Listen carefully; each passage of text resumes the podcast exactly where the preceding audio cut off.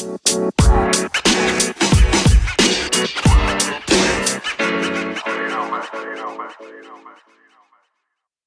Planı Podcast'inin yeni bölümüne hoş geldiniz. Can hoş geldin. Hoş bulduk. Nasılsın? İyi misin? İyiyim iyiyim senden. İyi ben olsun. Bildiğin gibi. Son iki bölümdür aynı cevap veriyorum ama hakikaten aynı yani. Değişen pek bir şey yok. Zor bir ay geçti senin için. Dolu dolu bir ay geçti. Basketbola doyduğun bir bir ay geçti. Çünkü kolej turnuvası dün akşam itibariyle hem e, kadınlarda hem erkeklerde son buldu.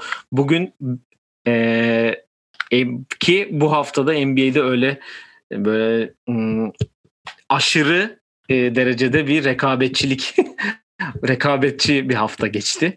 Onunla ilgili de konuşacağız zaten. Bildiğiniz üzere panorama günümüzde sizlerleyiz.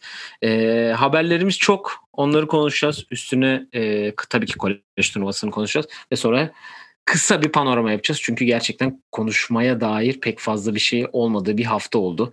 Dediğim gibi fazla rekabetçi bir haftaydı. Zaten onu da göreceksiniz. Var mı senin eklemek istediğin herhangi bir şey yoksa direkt haberlerle başlayalım. Başlayalım.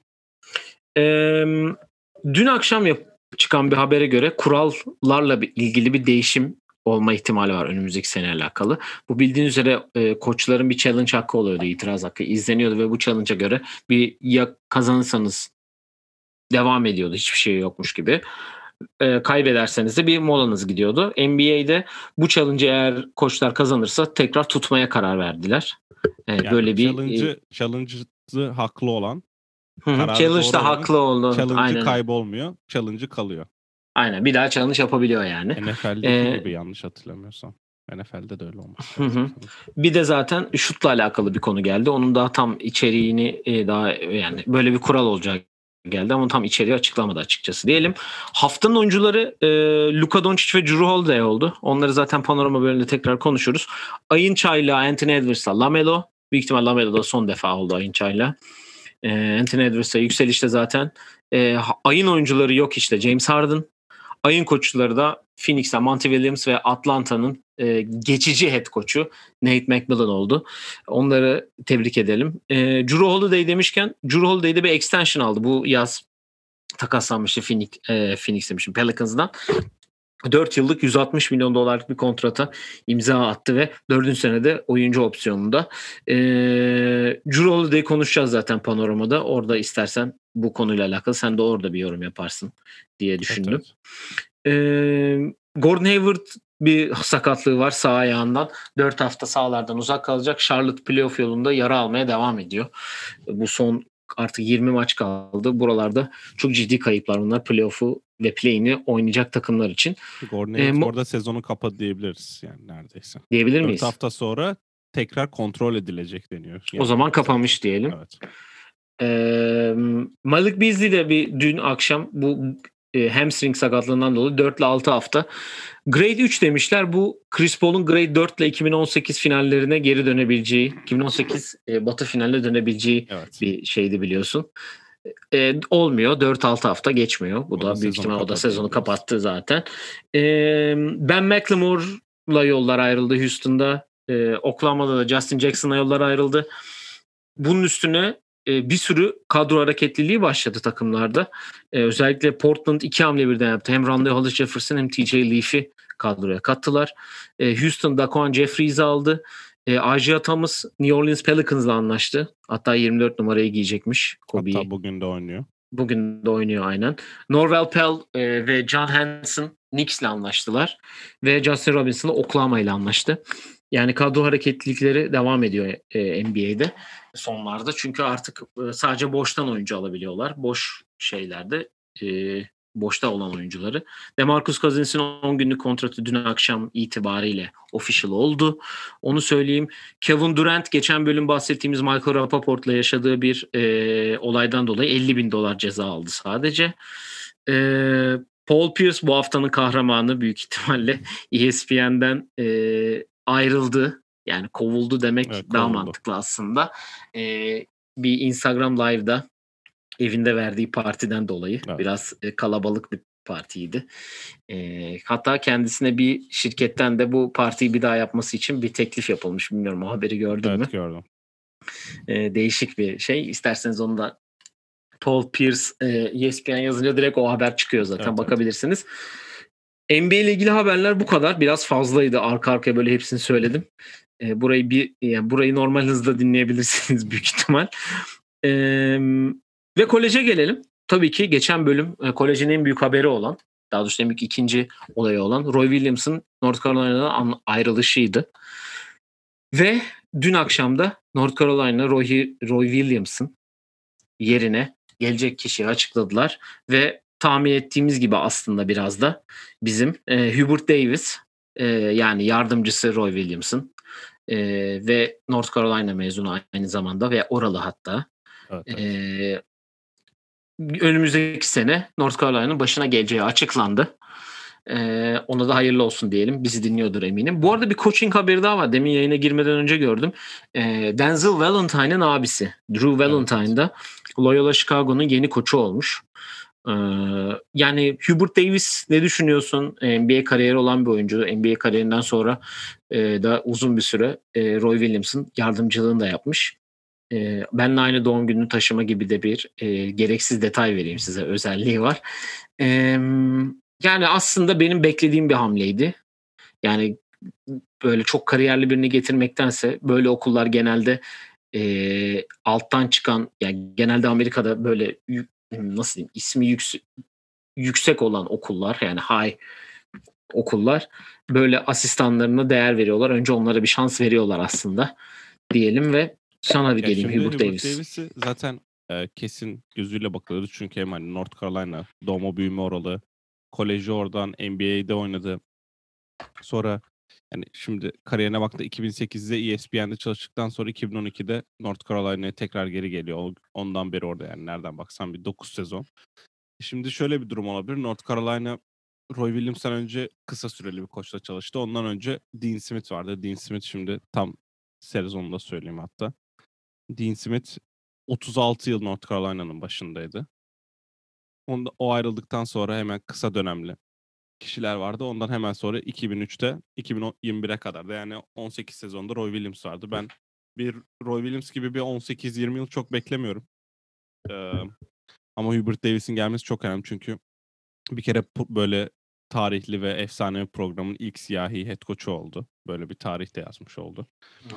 Onun dışında hem North Carolina'nın bu aileye ne kadar önem verdiğini de bir göstergesi ki zaten herkesin beklediğinin olması da hani North Carolina aile dışına çıkmaz. Şaşalı bir e, koç getirmez.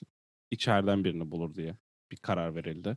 Belki Roy Williams'ın erken bırakma nedenlerinden biri de bu olabilir. Hani benim asistanım gelsin diye ki bunu e, Wisconsin Badgers'ta da e, Bo Ryan aynısını yapmıştı. Yani sezonun ortasında emekli olmuştu ki. Bir gibi de biz de koçun ilk Aynen. maçına gitmiştik hatırlıyorsan. Ee, sezon böyle ortalarında emekli olmuştu ki hani başka birine gitmek yerine onun asistanı gelsin ve hani bu kültürü o devam ettirsin diye Greg Gard'a gittiler ki Greg Gard hala o takımın head coach'u yaklaşık bir 6-7 yıl olmuş o. 5-6 yıl sanırım olmuş olması lazım. 5.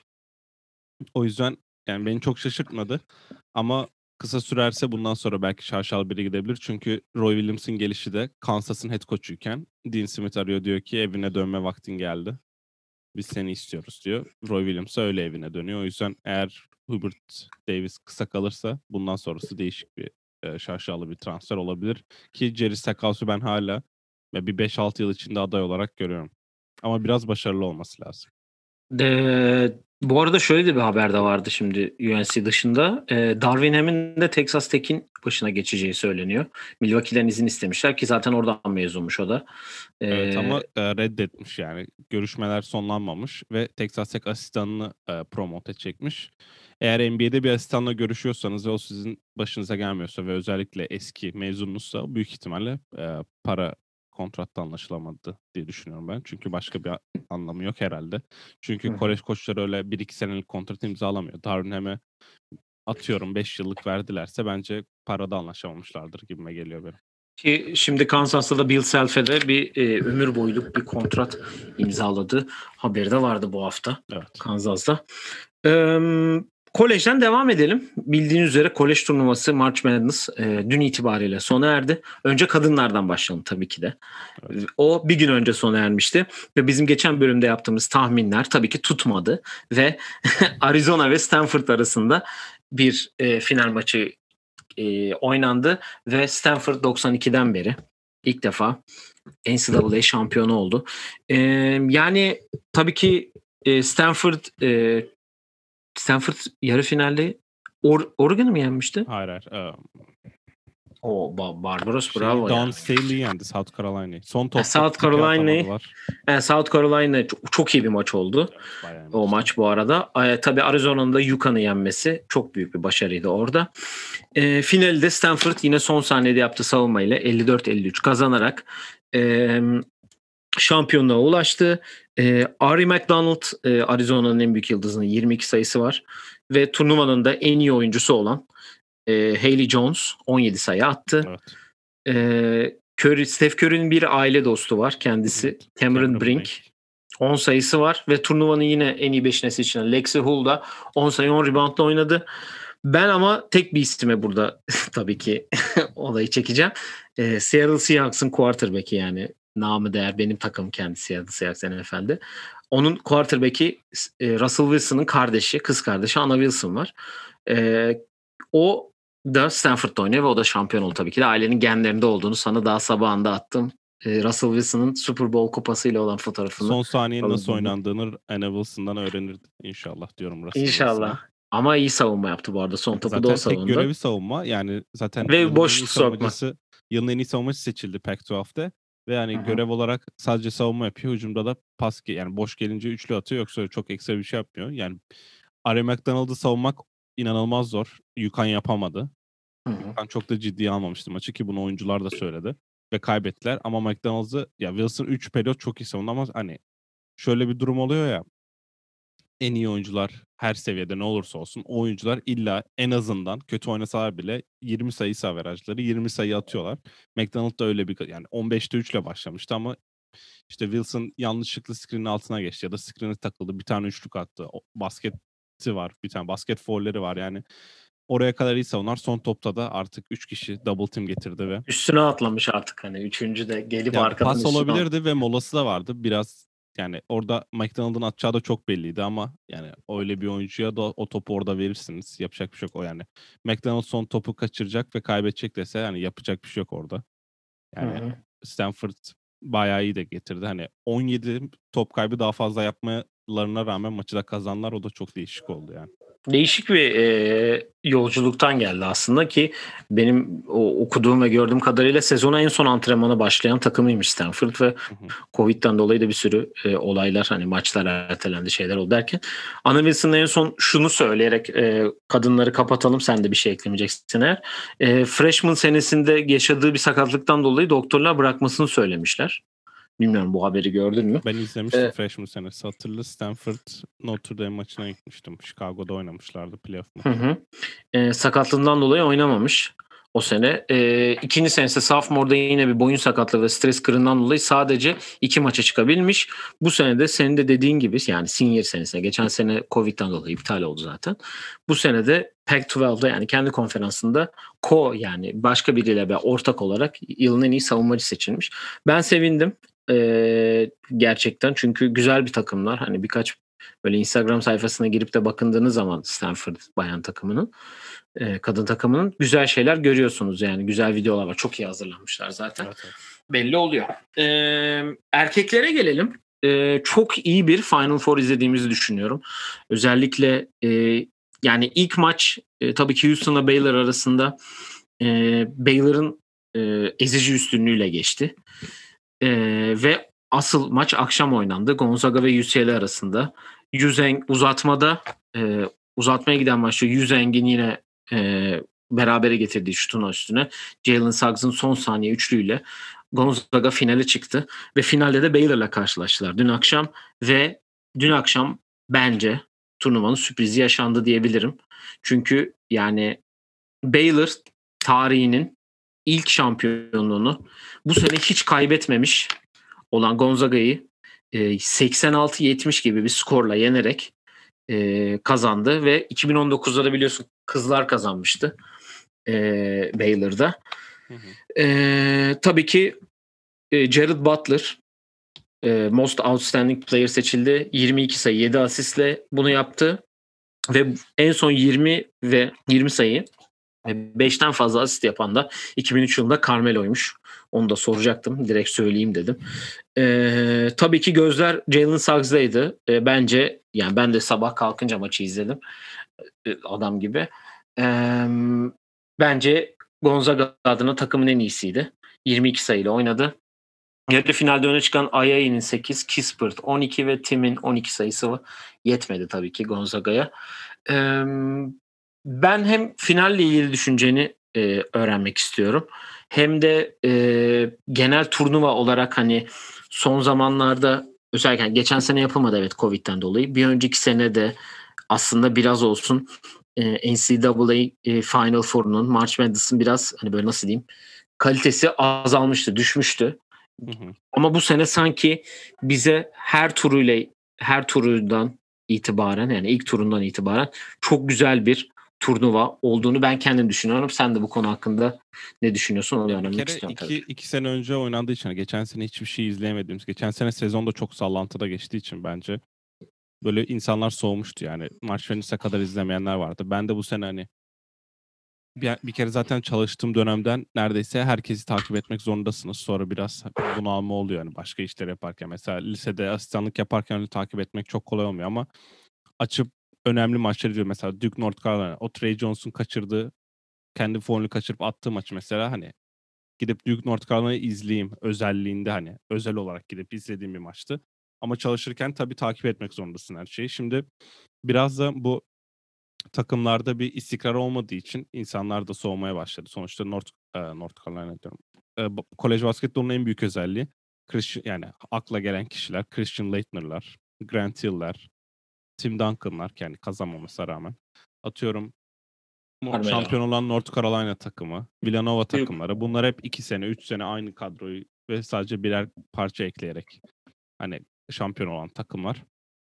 Daha önce kaybeden Gonzaga takımı aynı şekilde, Oregon takımı aynı şekilde.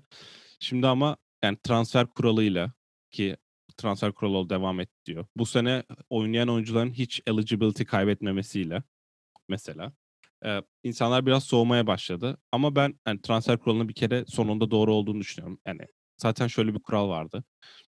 Eğer bir okuldan başka bir okula transfer oluyorsan ve iyi avukatın varsa ki bu bizim okulda da olmuştu şimdi oyuncu ismi vermeyeyim. Eğer iyi avukatın varsa e, değiştiğine, değiştirdiğine dair iyi bir neden sunuyorsan ve NCA'yi mahkemeye veriyorsan sözde NCAA seninle çok uğraşmadan tamam oyna diyordu. Bizde bu oyuncu sezon ortasında transfer olduğu için yarım sezonunu kaybetti sadece. Bizde oynayamama şeyi yarım sezonu sadece.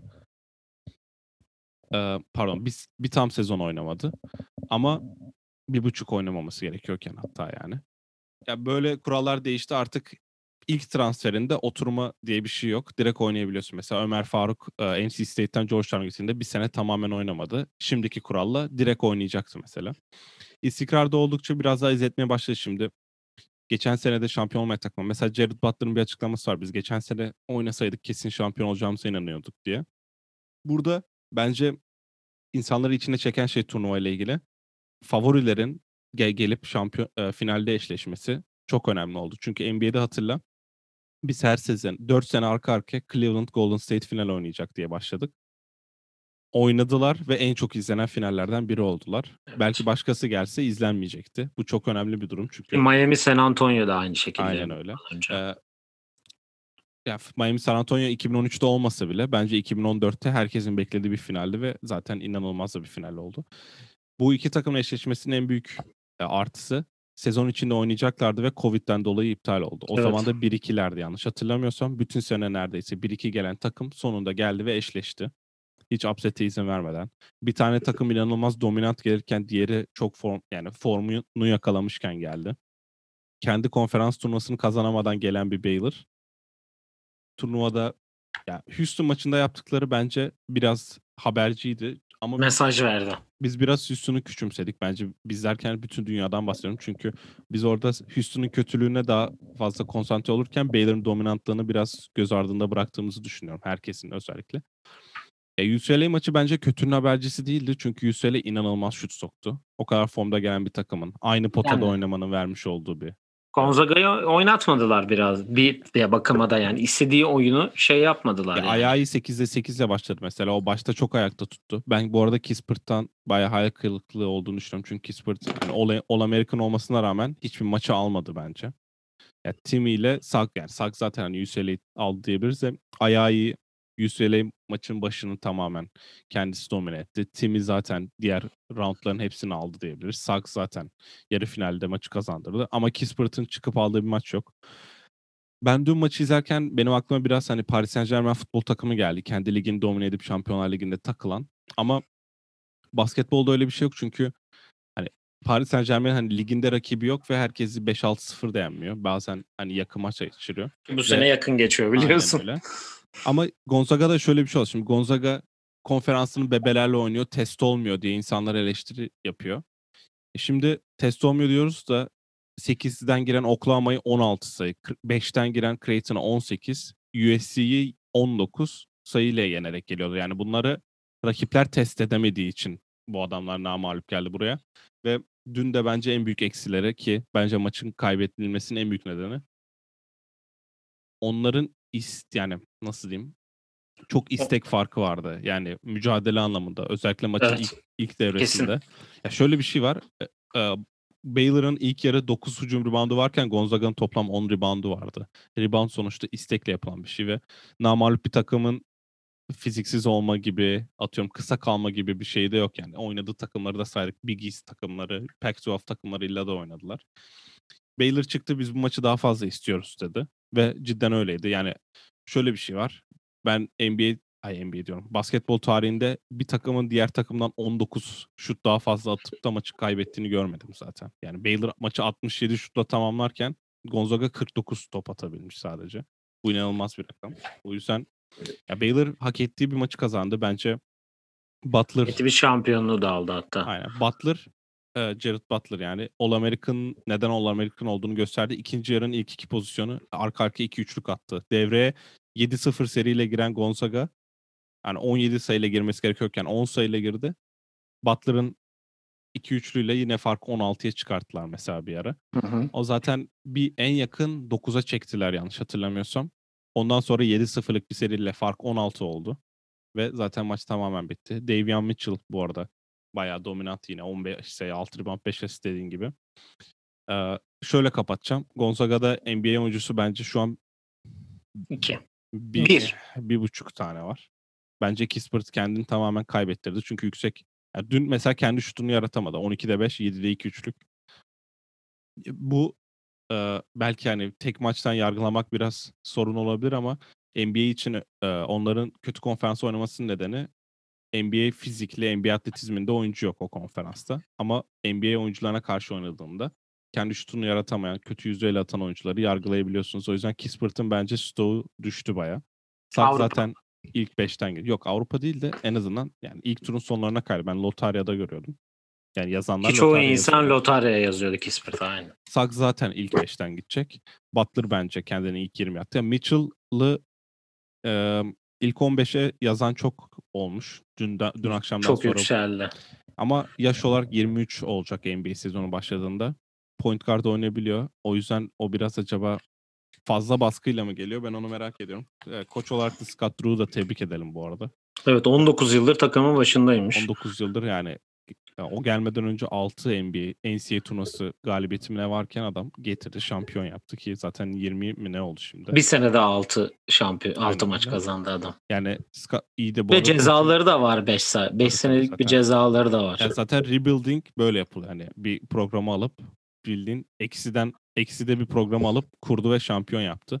Ve ilk geldiği basın toplantısında ben Baylor'a maç kazanmaya değil, ben Baylor'a NCAA şampiyonu yapmaya geldim de diyor ve bu sözünü de tutmuş oldu. O yüzden tebrik ederim.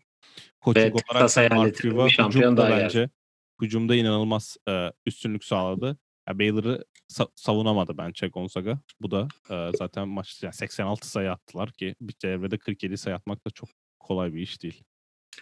Be- e, Texas'a bir şampiyonlar geldi dedi- dedim demin bilmiyorum. Evet? Texas e, şampiyon geldi. Oyuncular e, oyuncular değil de öğrenci okuldaki öğrenciler Amerikan futbol sahasında maskesiz bir şekilde kutlarken Texas Rangers'ta full kapasite beyzbol maçı oynadı. O yüzden Texas'la ilgili çok yorum yapmak istemiyorum. Ben de. ee, yani maçla ilgili şunu söyleyeceğim ben de en son. Ee, çok belli oluyordu ki Gonz büyük ihtimal Baylor basket takımı futbol takımıyla beraber e, şey çalışıyorlar. E, lifting yapıyorlar. Fizikler inanılmaz. Yani acayip bir atletizm. Yani 12 tane Jalen Suggs atletizmine karşı oynadı bence biraz Gonzaga. Tabii, tabii. Her anlamda. Hani senin de dediğin bu hücum rebound sayısı zaten her şeyi çok açıklıyor. Savaştılar. Yani ciddi anlamda. Ya bir tane pozisyon var zaten videosu her yere düşüyor. Ee, uzak forvette topu dışarı çıkmaya çalışırken topu iç sahaya atıyor Baylor'lı oyuncu. Şimdi hangisi olduğunu hatırlamıyorum.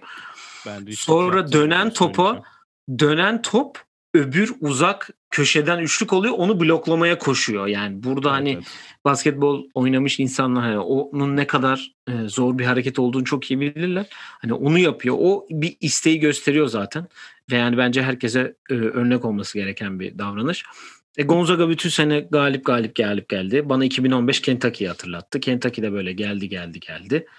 E, bildiğin üzere. Yine aynı sahada bu arada. Evet, Bunu evet. bilmiyorum biliyor muydun Indianapolis'te Şeyde, yine. Colts'un Colts'un sahası. 70 bin kişilik kapasiteli sahada. Dün 8 bin kişi varmış bu arada maçta. Onda evet. Covid önlemleriyle beraber. Yine aynı sahada namalük gelen takım maçı kaybetti ve şampiyon olamadan evine döndü. Yani Suggs dediğin gibi e, ilk 5'ten gidecektir büyük ihtimal ama eğer ki hani o şam e, o finale taşıyan şutun üstüne çıkıp da bir de şampiyon olsaydı bir numara için ciddi anlamda kesin yani evet. şansını çok arttırmıştı bence. Evet, evet. Ama şu an hala tabii ki Cade bir numarada gözüküyor diye tabii, düşünüyorum. Tabii. Hatta Evan Mobley için de iki demiştik. Hani belki Evan Mobley yerine Suggs'ıya tabii Lotarya'ya bağlı. Bence.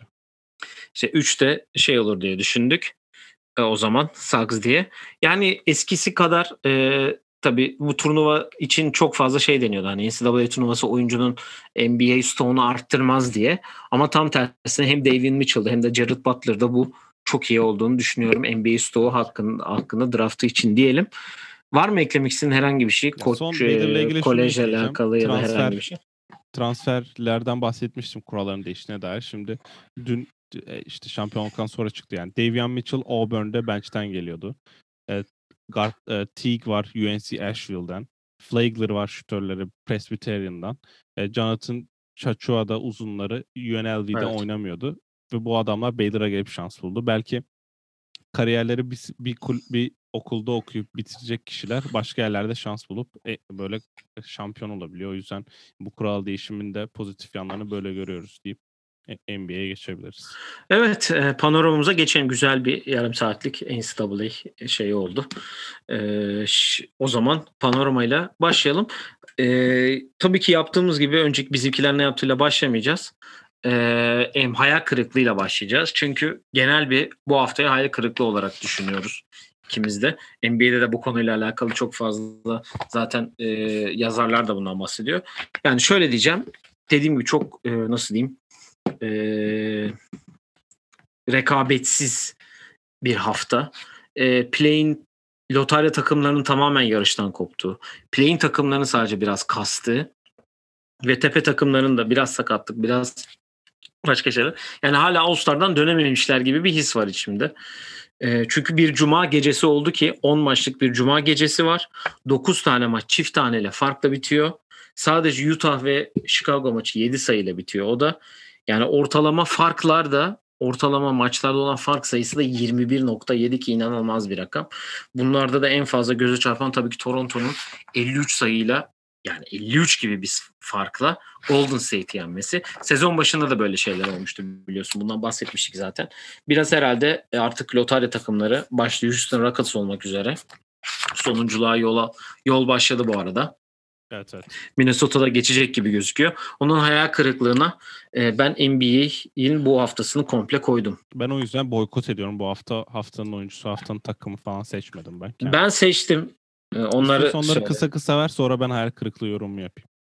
Yani e, ya temsilcilerimizle öncelikle evet. istersen başlayalım. E, Cedi 3'te 0'la geçti bu haftayı. E, Cleveland da biraz düştü ki dün akşam San Antonio'yu yendiler diye hatırlıyorum. Ee, yani Cedi Utah maçında oynamadı. Philadelphia ile bir karşılaştılar. Orada da Furkan yaptığı bir blok var. Bu hafta ile ilgili o aklımda kaldı. Sadece. Ee, Furkan iki galibiyet, iki mağlubiyette. Ersan da bu hafta iki maçta forma giymedi. 4-0'la geçti Utah yine bu hafta. E, Meci'ye bir 9 sayı 5 reboundu var. Onu da söyleyeyim. E, yani haftanın takımı olarak 3 e, üç tane takım var 4'te 4 yapan. Bunlar Miami, Dallas ve e, dediğim gibi Jazz. Ama ben Miami'yi seçeceğim. Çünkü e, Knicks ve Pacers'ı yendiler. Bunlar onların playoff yolundaki rakipleri. E, öyle düşünüyorum ben. Hani altında tutması gereken onların üstüne bitirmesi. Play'in oynasın onlar. Ben yukarıda bitireceğim ki Miami'de kötü giden bir Miami takastan sonra yükselmeye başladı iyice. E, oyuncu zaten Drew Holiday ile Luka Doncic seçilmiş. E, Luka da 4'te 4 yaptı. Drew Holiday'de Yannis ve e, Yannis'in olmadığı ve biraz daha geri planda kaldığı haftada takımın gerçek anlamda guard rolüne iyi oynadı. Düşünüyorum ki Jeff Teague de geldi oraya biliyorsun. Hı hı. Biraz daha e, guard bir numara pozisyonda rahat olacaklardır diye düşündüm. Ee, yani haftanın 5'i Cirolda ile Luka'yı yazdım. Biraz kolaya kaçtım burada. Üstüne Jimmy Butler, Jonas Valanciunas ve Clint Capela'yı ekledim. Capela da Atlanta'nın 3 galibiyet aldığı haftada. Özellikle San Antonio'ya karşı yaptığı 28 sayı 17 rebound 5 bloğu var. Hani e, iyi bir hafta geçiyor. O da kendini buldu iyice. Valanciunas da zaten sezon başından beri Memphis'in takım olarak nasıl güzel bir ekip yer olduğunu zaten şu an kendileri de batıda playoff play'in potasındalar. Ee, yani Camorant'in her maç çıkıp 30-35 attığı bir takım değil. Bütün takımın en az 15 attığı bir evet. haf, e, takımlar. Bunu dedim ya şimdi Camorant her maç 30 atmaya başlar ve kaybetmeye başlarlar büyük ihtimal. E, çaylak olarak çaylak performansları var. E, Anthony Edwards yükle Anthony. Anthony Edwards yükselişte zaten. E, o da göz kırptı iyice Rookie of the Year'a. E, Maledon'un ve Pokusevski'nin Phoenix'e karşı bir 33 ve 20'şer sayıları var ikisinin. Kyrie Lewis'in yine bir aynı şekilde iyi bir performansı var e, Pelicans'da. Yani performans, Josh Hart'ın genel bir performansı var. Bunu Joker'e yazdım ben. Hem Josh Hart hem Jalen Brunson hem de Michael Porter Jr. çok iyi hafta geçirdi takımlarında. Josh Hart şimdi bir parmağında bir sakatlık var. Öyle bir e, durum Ve var. Evet yani ciddi bir sakatlığı var parmağında ki yani acayip 15 sayı 15 rebound falan yapan bir şeyde. Michael Porter Jr.'da Aaron Gordon'un gelmesiyle sanki biraz daha yani genel Denver'da bir rahatlama var. Neyse topa potaya biri daha sokabilecek artık e, rahatlığı varken üstüne de çıktılar. Evet. Dördüncü sırayı da aldılar. Michael Porter da iyi bir hafta geçirdi. E, Jalen Brunson e, Porzingis'in Doncic'e veremediği desteği gerek bench'ten gerekli Doncic'in dinleneceği zamanlarda çok iyi veriyor bu katkıyı zaten. E, performans olarak Fanfleet'in bir 4 bloğu var bu hafta. O acayip bir istatistik. Bir de tabii ki e, bu 53 sayılık biten maçta C- Gary Trent Jr.'ın ki dün de son saniye basketi attı Washington'a. Artı 54 ile bitirmiş. İnanılmaz bir ya artı eksi. Zaten bütün e, o maçta Toronto takımı acayip bir artı eksiyle bitirdi ama geri Trent'in de bir artı 54'ü var. Yani ben biraz hızlı geçtim buraları. Çünkü sen hani boykot hem boykot ettiğin için hem de e, daha çok e, NCAA turnuvasına e, vakit ayırdığın için diyelim. Ben böyle bir panorama yaptım kendi çapımda. Ki sen de herhalde e, yorumların vardır seçimlere. Yani oyuncular hakkında yani bahsettiğin oyuncular hakkında birkaç şey söyleyeyim. Mesela Josh Hart 15 ila 19 rebound orası 4 kere yapmış. İnanılmaz bir rakam bu. Ee, yani o Josh Hart'ın boyu 1.95 olması lazım. 6.5 kendisi aynen 1.96. 6-5 yani bu adamın 15 rebound yapması inanılmaz bir rakam. Ya direkt istek yani zaten rebound. Bunu demin de söylemiştim. Ya benim dikkatimi çeken izlediğim dönemlerde ki senin dediğin gibi daha çok NCAA maçlarını izledim. Hatta kadınla kadın maçlarını da bayağı tahmin ettim. Takip ettim. O yüzden NBA'de biraz Drew Holiday e, çok dikkatimi çekti ve zaten iyi oynadıktan hemen sonra extension aldı. Extension'ı pazar aldı. Ben hatta Zek'leydim. Vakil arkadaşım. Direkt cevap şu oldu. 34 yaşında Drew Holiday'e 40 milyon vereceğiz yani diye. Yani ben biraz da beklemek lazım. Çünkü hani Drew Holiday çok iyi takımda oynamadığı için daha ne yapacağını bilmiyoruz playofflarda ama bir anda... Pelicans'da bir... All-Star bile olmuş biri yani aynı Yok, zamanda. Sixers'da oldu All-Star. Pelicans'da olamadı. Evet. inanılmaz bir fact bu. Aynen. Ben, ben, e, bırakıyorum ben de yayını. Ben de öyle düşünmüştüm. Gerçekten Tek bu işi bırakıyorum. Bir olduğunu biliyorum ama e, ben de sonra baktım. Philadelphia ile mi oldu? evet evet Philadelphia ile. Yani replacement falan buna biz baktık. baktık. Hatta aynı şekilde şaşırdık beraberken hatırlıyorsan. Drew Holiday evet, evet. replacement, replacement olma ihtimali çok yüksek bir bak ona istiyorsan. Ee, tamam şu an bakıyorum. Ya Milwaukee'de zaten yanlış yokken sorumluluk alması gereken bir kişi daha lazımdı. Bledsoe zaten değildi bu kişi. E zaten geleceği tamamen bağlamışken, para olarak da Yanis'e de bağlamışken, Middleton'a da bağlamışken sanırım önümüzdeki 3 sene üçü de kontrat altında. E, Holiday'in player option'u var. Middleton'da bitiyor kontratı yanlış hatırlamıyorsam. Yani Milwaukee zaten sessiz sakin geliyor. O yüzden onlara diyecek çok bir şey yok zaten. ikinciliği alıyorlar mı acaba? Ona da bakayım son kez. E, Milwaukee ben çok da izlemiyorum cidden çünkü oynadı. 1-2 gidiyor. Acayip bir gidişleri var bu arada. Hatta hafta içinde Brooklyn birinciliği de aldı Philadelphia'dan. E, şu an Sonra tekrar bir tane galibiyet fazlası var sadece. Milwaukee gelemez oraya bence. Şu an 2.5-3 maç geride. Ama onlar üçüncülükte kaldı 6'dan da. Yani şu an onlar için, onların keyfi yerindedir. Boston gelirse bilmiyorum ne kadar e, korkarlar ama yani altta kim gelirse Charlotte'ın orada kalacağını düşünmüyorum. Çünkü James Borrego zaten skor yükümüzün %70'ini kaybettik diye bir yorum yapmış. Ki haklı. Ama Malik Monk falan Biraz hala hatta. çıkıp atıyorlar. Malik Monk da sakatlandı işte. O yüzden bir 3-4 hafta yok sanırım o da. Yani hem Hayward hem Monk hem Lamelo olmayınca onlar tamamen düşüşe geçti. Deyip Drew söyle istiyorsan. Sonra yani Holiday ee, rezervi yani replacement değil. Direkt seçilmiş. 2013 yılında hem de Houston'da yapılmış. 2013 yılında direkt yapılmış. Direkt seçilmiş. Yani bakıyorum Doğu'da Rondo sakatlanmış. Onun yerine Chris Bosh gelmiş. Ee, Kyrie var. İlk seçilmiş o da. Kyrie'nin de ilk All-Star'ı. Evet. Yani Doğu'da guard yok zaten. Kyrie Wade, ama 4'e 37 falan herhalde. Sıfır galibiyet falan olabilir. Wade var. Evet. Noah, Brook Lopez. Yani zaten bu iş batıda bitmiş zaten. Hani James Harden'ın da ilk All-Star'ı bu arada tabii. Houston'da olup da. Chris Paul'la Kobe var, var değil mi ikisi de? Kobe zaten ee, var da Kobe var, Chris Paul var. zaten Chris, Chris Paul MVP zaten seçildi. Chris Paul'la Kobe hiç All-Star maçı kaybetmedi o yüzden. MVP seçilmiş Chris Paul evet. bu arada. Tamam. Um, hayal kırıklığıma geçiyorum. O da senin bahsettiğin gibi. Uh, bu haftaki çok kalitesiz maçlardı. Yani Warriors 60 sayı gerideydi o maçta. Onu da söyleyeyim. 119-59'lu bir yer o maç. Kötü giden bir Warriors evet. vardı aynı zamanda. Steph yani e, şöyle bir şey var. Şimdi o kadro evet. Clay Thompson bir anda sezonu kapatınca evet bir hayal kırıklığı oldu. Sonra nasıl diyeyim bir plansızlık oldu ve Wiseman seçildi. Bence Wiseman zaten hani önceki haftaların kararıydı ve son saniyede karar değişmedi. Ama Lamelo olsa işler tabii ki değişebilirdi. Ama şimdi elinde Stephen Prime'ı varken, Draymond Green gibi sayı atamıyor, atamayan bir oyuncu varken oraya başka bir şey yapılabilirdi gibi geliyor. Clay de sakatken. Aynen öyle. Clay de sakat. Yani son 8 maçın 7'sini kaybetmişler. Ya, Steph Curry'in prime'ında onu All-Star'a soku, sokamıyorsanız bence e, Steph'ten çok takımı kuran kişinin e, sorunu var burada. Biraz Steve Curry eleştirisi de görüyorum. Onu da şöyle söyleyeceğim. Yani evet bu adam elin nasıl diyeyim çok iyi kadroları iyi yöneten koçlar vardır ama kötü kadroları yönetemeyebilir bu kişiler. Steve Kerr de sanırım biraz ona gidiyor yani. Oklahoma ile kadro farkı bence inanılmaz ki Oklahoma'da maç kazandıracak oyuncular oynamıyor. Ol Orford başta gelmek üzere.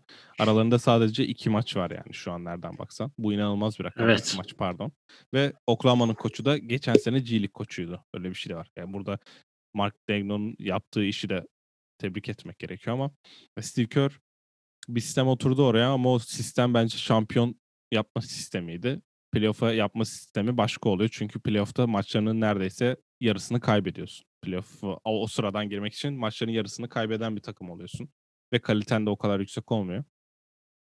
Warriors'ın geleceği ne olur bilmiyorum ama yani şöyle diyeyim. Normal bir NBA haftası Aslında olsaydı. Warriors inanılmaz eleştirilirdi. Ama o kadar kötü bir haftaydı ve March Madness'ta vardı ki şu an Warriors biraz göz ardı edildi diyebilirim. O kadar yedik evet. Ya bu e, Durant ayrıldıktan sonra aslında hani o 2019 NBA finallerini kaybettikleri zaman onlar için bu yapılan hani sizin Dynasty'niz bitti gibi ağır zamanında ağır olarak düşündüğüm benim eleştiriler bir bakımı biraz olsun haklı yerine doğru gidiyor gibi gözüküyor hani e, Ya, Steph çok iyi bir sezon verdiği- geçiriyor. Clay'in dönüşü Evet. Clay'in dönüşü belli değil. Draymond sayı atamıyor. Yani son sayılarını bayağı 2016 NBA finallerinde atmış. Adam 30 Ciddi sayı ama attı. ben- Dün boyalı alandan çıkmadılar ya savunmak için. Görmüşsündür o resmi. İnanılmaz. Yani ben Warriors'la ilgili tabii ki kötü. Sonuçta NBA'in e, ben özellikle bizim zamanımızda şu an NBA iyice içinde olduğumuz zamanlarda buraya bir e, nasıl diyeyim yumruğunu vurmuş kendine bir yer edinmiş bir takım hani bundan 20 sene sonra "Ay, Warriors böyle bir takımdı işte falan filan diye hala konuşuyor olacağız zaten. Hani ım, yani üzücü bir durum hani böyle bir şeyde olmaları. Wiseman'dan çok ümitliydik hepimiz ki ben evlat olarak bile hani e, draft yayınlarında söylemiştim. Bir şeyler düzelecek herhalde hani bu Steve Kerr'in gitmesiyle mi olur, Clay'in dönmesiyle mi olur bilmiyorum ama hani Warriors olarak yani genel NBA dediğin gibi genel kötü geçen NBA haftası March Madness'ın iyiliği üstüne e, Warriors biraz daha böyle nasıl diyeyim e, göz arkası göz altında kaldı gibi. Ya NBA'de şa- başarılı olmak için şansın yani yüzde 70 falan yanında olması gerekiyor. Bunu biliyoruz. Öncelikle sakatlıklardan dolayı. Sakatlık, çok büyük sakatlık yaşayıp şampiyon olan takım yok yani benim şu an aklıma cidden gelmiyor. Ama finallerde kaybeden takımlara bak. Yani hemen başlayabiliriz. Adebayo, Dragic. Ondan önceki sene Clay KD. Evet. Ondan önceki sene e, ger- orada güç farkı da vardı mesela 2018'de. 17'de de aynı şekilde 16'da işte cezalılar. Sonra Kevin Love, Kyrie Irving. Yani geri gittikçe kazanan takımların şansının daha yüksek olduğunu görebiliyorsun. Ki geçen sene de hani e, AD sağlıklı geldiği için Evet, Lakers da o kadar. öyle. Mesela AD fark şu an yaptı. sakat. Yani şöyle bir sıkıntı oldu Warriors'ta.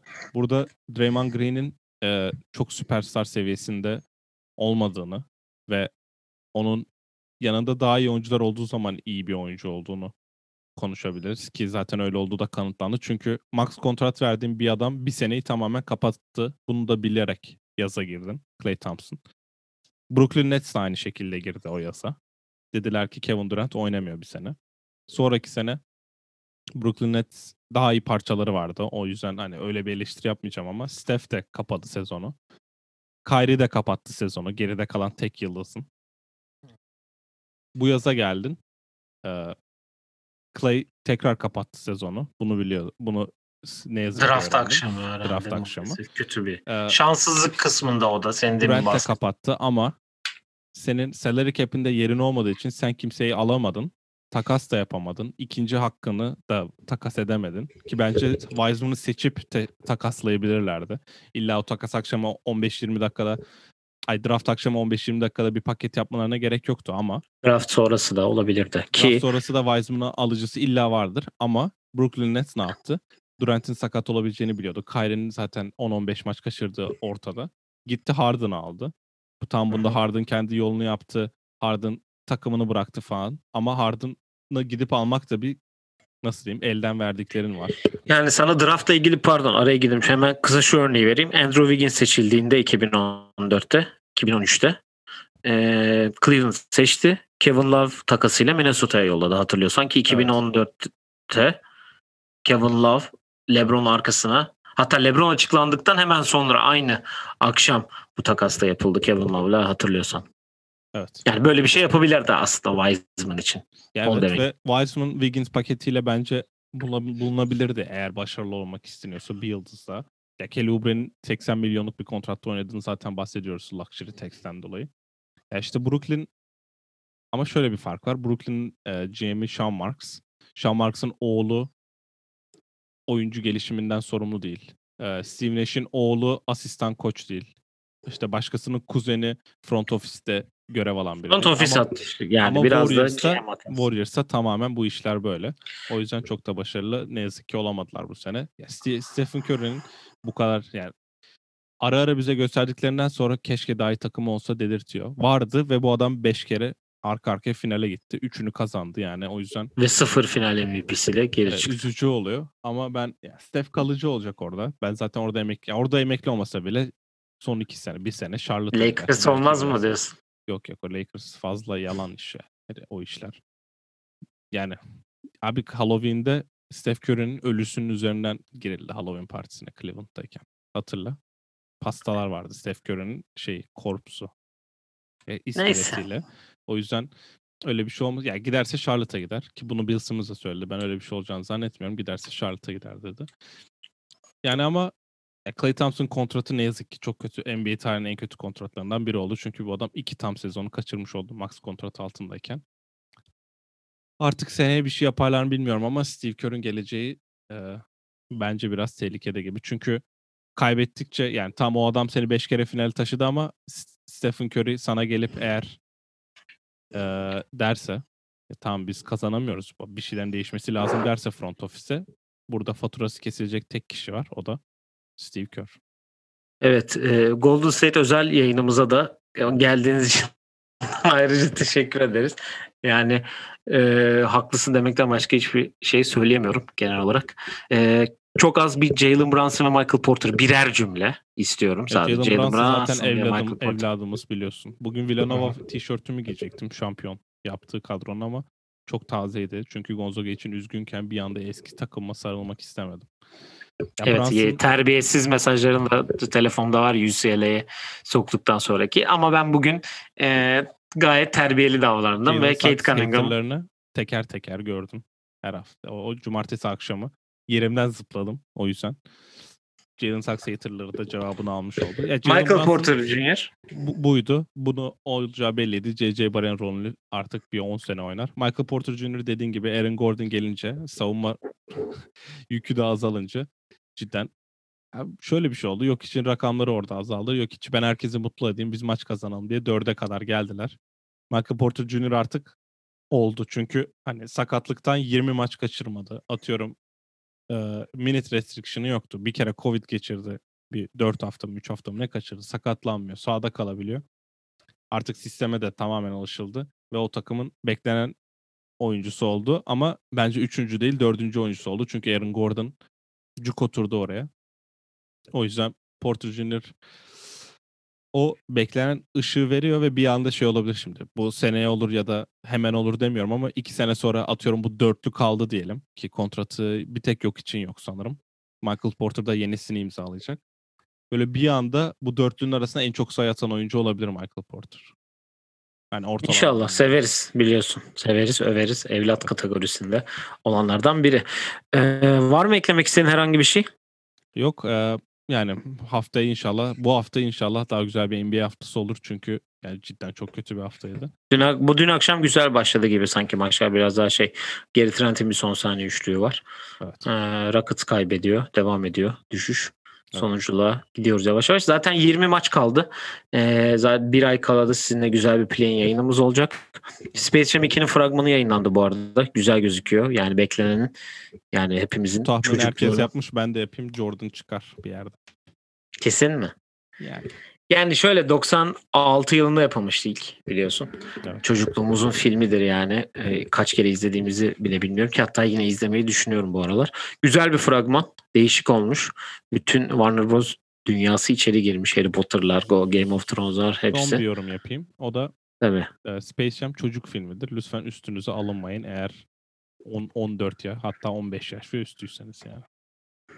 Çünkü bayağı eleştiri gördüm de çocuk filmi yani. LeBron ne yapmış çöp falan diye birkaç. Özellikle Yani Jordan'dan daha iyi, iyi rol yapacak kesin bence. Ama Ee, zaten rakipleri de bu sefer gerçek oyuncular. Yani Clay Thompson, Sarasi, Arasi, O- Ogwumike, Anthony Davis. Beşinci Clay, Damian Lillard. Damian Lillard evet. Dame Time. Kola da bir tane şey koymuşlar. Evet. eee, bir panorama yayınında sonuna geldik. Bu hafta sizinle bir kere daha beraber olacağız. Perşembe günü sizleyiz. Bugün bir gün geç yaptık yayını çünkü dün akşam NCAA finali oynandı bildiğiniz gibi. Et Oyun Planı Pod Twitter, Instagram, Facebook, YouTube, Spotify her yerden bizi takip edebilirsiniz. Sorularınız varsa yollayabilirsiniz. Bir sonraki yayında yani Perşembe akşamı tekrar görüşmek üzere diyelim efendim. Kendinize iyi bakın. Hoşça kalın ve maskenizi takmaya devam edin. Bay bay. Hoşçakal.